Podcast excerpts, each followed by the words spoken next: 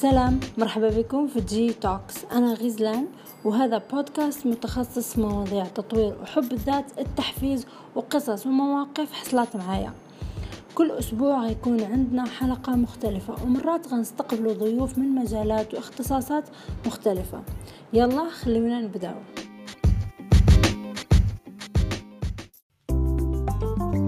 coaching في كوتشينج اليوم نتوقف مع المدربة مدربة الحياة غزلان البديع معنا. مرحبا صباح الخير.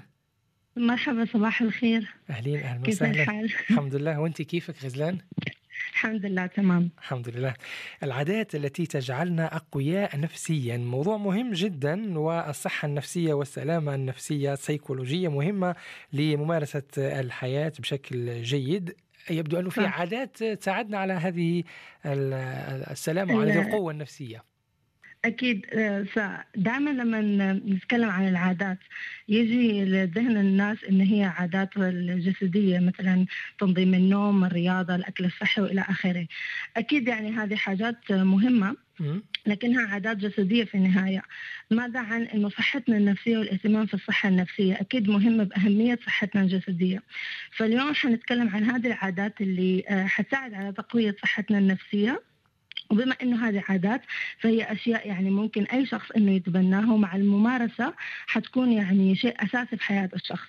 آه يعني هي عادات آه، مشاعر يعني انت قلتي مش عادات آه، جسدية يعني وسلوك آه، يعني ومشاعر أو شو سلوك سلوك ونفسيا كيف مثلا شخص يتعامل مع الشخص كيف يتعامل مع المشاعر الحين حنعرف عنها يعني أكثر. يلا تفضلي عادة بالتفاصيل. عندنا أول عادة عندنا إنه ممكن تقوي صحتنا آه، النفسية هي التحكم في مشاعرنا، مثلا لازم نتقبل ونعرف نت- نتحكم في المشاعر وفي الظروف اللي حوالينا ونفهم إنه المشاعر إحنا نتحكم فيها مش العكس، مثلا إذا شخص كان غضبان بدل ما يحاول يصب غضبه على أي شخص أمامه أو على أي شيء إنه يكسر اللي حواليه يفهم يحاول يعرف سبب الغضب من شو جاه الغضب كيف أنا أتعامل مع هذا الغضب وأحوله ل آه، ممكن يكون حافز أو أحاول أنه آه، أوظف غضبي عشان أحقق شيء في حياتي.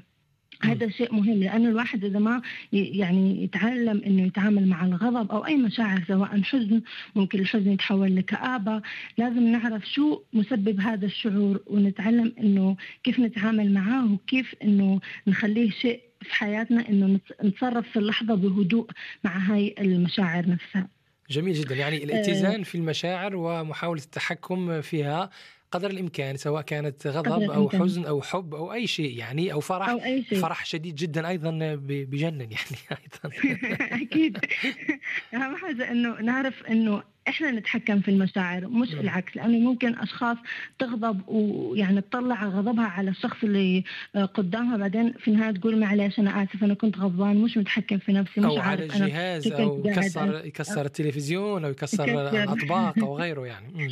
أكيد فإحنا اللي نتحكم نعرف سببها ونعرف أكيد كل شخص عنده يعني حاجة تحاول إنه تهدئه وتخليه يبتعد عن هذا الشعور فيحاول يكتشفها كل مرة يمر في هذا الشعور. جميل. فتاني حاجة هي أنه يكون آه أنه إحنا كأشخاص نعرف مثلا نحط حدود لنفسنا أو مثلا م- يعني ممكن نقول لأ على شيء ممكن هو أنه يضرنا أو شيء أنه هو خارج عن سيطرتنا أو إحنا مو حابين نعمل هذا الشيء. مثلا شخص طلب منك طلب وأنت عندك مثلا كثير أشياء عندك يعني جدا مشغول. في أشخاص ممكن تيجي على نفسها فقط لتلبية طلب آه شخص آخر. آه هاي في النهاية يسبب لها آه، توتر ويسبب لها غضب إنه هي مش عارفة تتحكم في نفسها. لا يعني جميل إنه الواحد مرات إنه يقول لا وإنه يشوف نفسه أولا. مش على آه، حساب يعني- يعني على حساب صحته مش على النفسية وعلى. سلامته النفسية آه، عندما يكون ضروري انه يقول لا لا. والمهم إنه هو يرتاح يعني لأنه إذا وافق على شيء وهو مجبر في الأخير حيتعب نفسيا وحيكون تعبان أكيد. أكيد في النهاية مؤلم. حيتعب نفسيا. ومشكلة إنه الشخص ممكن يخيب توقعاته إذا الشخص اللي دائما يطلب منه هو جاء دوره إنه يطلب منه شيء وهذا الشخص يعني رفض مثلا إنه طلبه. فأنت ممكن حتى يخيب توقعاتك في آم، الناس ممكن تطلب منك كثير أشياء لكن إذا أنت ممكن احتجتها في هذا الوقت تقول لك لا يعني أنا عندي شغلة آه، مهمة أكثر أكثر ويعني عندي برايورتي أكثر في حياتي. في ناس ممكن حتى تترك عائلاتها عشان تروح تلبي طلب شخص آخر. ممكن في ناس ممكن آه، لأنه هذه أشخاص مثلا أصدقائها أو شيء آه، تخليها إنه مثلا تتمسخر عليها أو أو أي حاجة ممكن تأذي الشخص جسديا نفسيا أو حتى ذهنيا تخلي الناس إنه تتعدى عليها. فهذا لا إحنا لازم نعرف متى نرسم حدودنا الشخصية متى نقول لا للناس إنه أنا ما أستطيع إنه أمشي في هاي العلاقة أو أنا ما أستطيع إنه أخليك تتعدى علي بالكلام بهاي الطريقة. فهذا شيء جدا مهم. واصلا العل... الاخصائيين النفسيين بالنسبة لهم هذا آه، مؤشر على إنه آه، تقديرك لذاتك. إنه أنا بقدر ذاتي مستحيل أخلي أي حد يتجاوز هذه الحدود الشخصية معي أحيانا نحن ننزعج من الأشخاص مثل هكذا نقول يعني هو يبدو أنه منغلق على نفسه لكن في الحقيقة هو بيعرف حدوده بيعرف بيقدر ذاته وأهم شيء هو أنه يكون مرتاح يعني. أكيد مش على حساب أنت تكون مرتاح وتشوف راحتك أنت. كمان أكيد مش دائما ترفض كل شيء للناس بس يعني نحاول أنه نلاقي التوازن الصحيح. وعندنا مهم آه، مهمة عندنا عادة حاليا جدا يعني مهمة وهي تقليل وقتنا على الشاشات. آه، تقليل وقتنا واستهلاكنا على السوشيال ميديا. هذه حاجة جدا مهمة وممكن إنها تساعد في آه، يعني تقوية تقوية نفسيتنا. لأنه على حسب كمان الدراسات كل ما زاد وقت تصفح الشاشة كل ما زاد نسبة أنه هذا الشخص يقع في الاكتئاب. يكتئب لأنه يدخل في مقارنات بين حياته وحياة الأشخاص اللي على ال social media. مثلا هذا الصيف الناس سافرت أنا بشتغل. مثلا هذه آه، يعني قارن أجسامهم أشكال أجسامهم آه، بشراتهم. وفي النهاية حتى منشوراتهم يعني حتى منشوراتهم. في بعض المنشورات التي تؤذي يعني بشكل أو بآخر هو يتحدث بعدين يقول مقصودة ومش عارف شو تحس كأنه يحكي عنك أنت وأنت مش معي. معني ابدا بالأمر فدائما بيزعجك هذا الأمر. أكيد وتخرج من تصفح تعبان ومزعوج يعني نفسيا. للأسف. صحيح. فالواحد لازم يعني يقلل أوقات الشاشة ويعرف بالفعل متى يعني يشوف وسائل التواصل الاجتماعي. والشيء جدا مهم إنه أنت تعرف مين تتابع يعني في أشخاص مع الأسف وأنا بعرفهم في دائرتي يعني هي بتتابع أشخاص ممكن حتى تسبب لها هذا الاكتئاب. يعني ليش؟ سواء من أو الانتقاد السياسي والوضع العام في البلاد ودائما يعني ناس العام في البلاد أكيد. كثرة الناس... الأخبار ممكن توتر الشخص كل يوم توتر. يشوف عدد الحالات كورونا وهي الأشياء ممكن فعلا توتر آه، الشخص. وللأسف نحط شاشاتنا ونشوف مم. العالم. غزلان في بعض طبعا ينشر حتى يعني للأسف آه، المرضى وحالتهم في وضعية يعني مش عارف يعني نتمنى الشفاء للجميع لكن نشر هذه هكذا صور مؤلم فعلا. أنا شخصيا دائما أحاول أن أتجنب هذه المنشورات. المنشورات العنيفة والمنشورات المؤلمة يعني. وطبعا. نحن قلوبنا مع الجميع ونتمنى السلامة والصحة والعافية للجميع يعني بالقلب مش بالمنشورات وباللايكات أكيد. صحيح صحيح.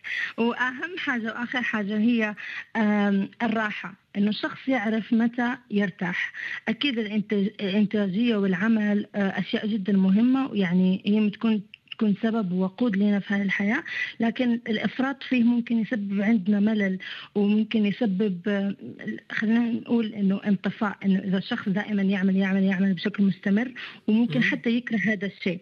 فدائما مهم إنه ناخذ عطلتنا وناخذ عطلتنا بجدية زي ما بناخذ عملنا أوقات عملنا. ف عطلتنا أسبوعية يعني خصوصا. فبدل يعني نتلذذ بالعطلة. نتلذذ بالعطلة. في ناس حتى في العطلة تشتغل وما تستمتع بهذه العطلة وما تعطي وقت لا لنفسها ولا لعائلتها. بعدين في النهاية تستغرب إنه أنا ليش حاسس باكتئاب؟ أنت أصلا ما بتع... أو أنا ليش كاره هذا الشغل؟ أنت حتى عطلتك الأسبوعية ما بتستغلها لأنه تشحن نفسك وتجدد الطاقة. يعني هي تعتبر آه، العطلة الأسبوعية عشان نجدد طاقتنا نشحن نفسنا ونجهز للأسبوع بدون يعني بدون مبالغ مالية يعني ممكن تعمل رحلة قصيرة ممكن رحلة حتى بالدراجة. بالدراجة أو بالسير سير على صحيح الأقدام في الجبال وفي المناطق الوعرة وتكتشف العالم و- صح. صحبة جميلة. أكيد تغير جو يكون نهاية آه، أسبوع آه، وتعود بقوة إيه، أكيد. صحيح. ممكن يعني بس أنت في في بيتك إنه تعمل لنفسك activities ممكن نفس ما حكيت نروح نشوف مناظر طبيعية وأشياء يعني في كثير أشياء ممكن نسويها بدون ما إنه إحنا نحط مبالغ مالية طائلة. يعني في كثير اكتيفيتيز موجودة في في العالم. جميل وبس جدا. هذه. كانت آخر. واحدة من العادات وهي عجبتنا طبعاً أكثر هي على السفر عجبتنا أكثر وسما وأعطيتنا أكيد. حافز أننا نسافر ونغير شوية الجو لراحتنا جميعا. صح صح. لازم الواحد يجدد الطاقة ويشحن نفسه عشان يتجهز للأسبوع الآخر. كثرة العمل حتسبب ضغط وحتسبب توتر وحتى حتسبب قلة إنتاجية على فكرة مش العكس. ويصير ملل عن من الشغل وأكيد يصير أقل إنتاج أكيد. إنتاجية صحيح. غزلان غزلان بديع. العادات شكرا. أتمنى إنه مم. يعني تتدربوا عليها وتحاولوا ت- تبنوها. نفس ما حكيت هي عادات. فالواحد دائما يحاول يراقب مشاعره يحاول يراقب تصرفاته في هاي يعني في ال situation المعينة و- ويتدرب كل مرة إنه كيف يتعامل مع الموقف اللي هو فيه. ولا تغضب لا تغضب لا تغضب واستمتع بالحياة وتحكم في. المشاعر. شكرا والله غزلان أعطيتينا هي. فكرة جميلة.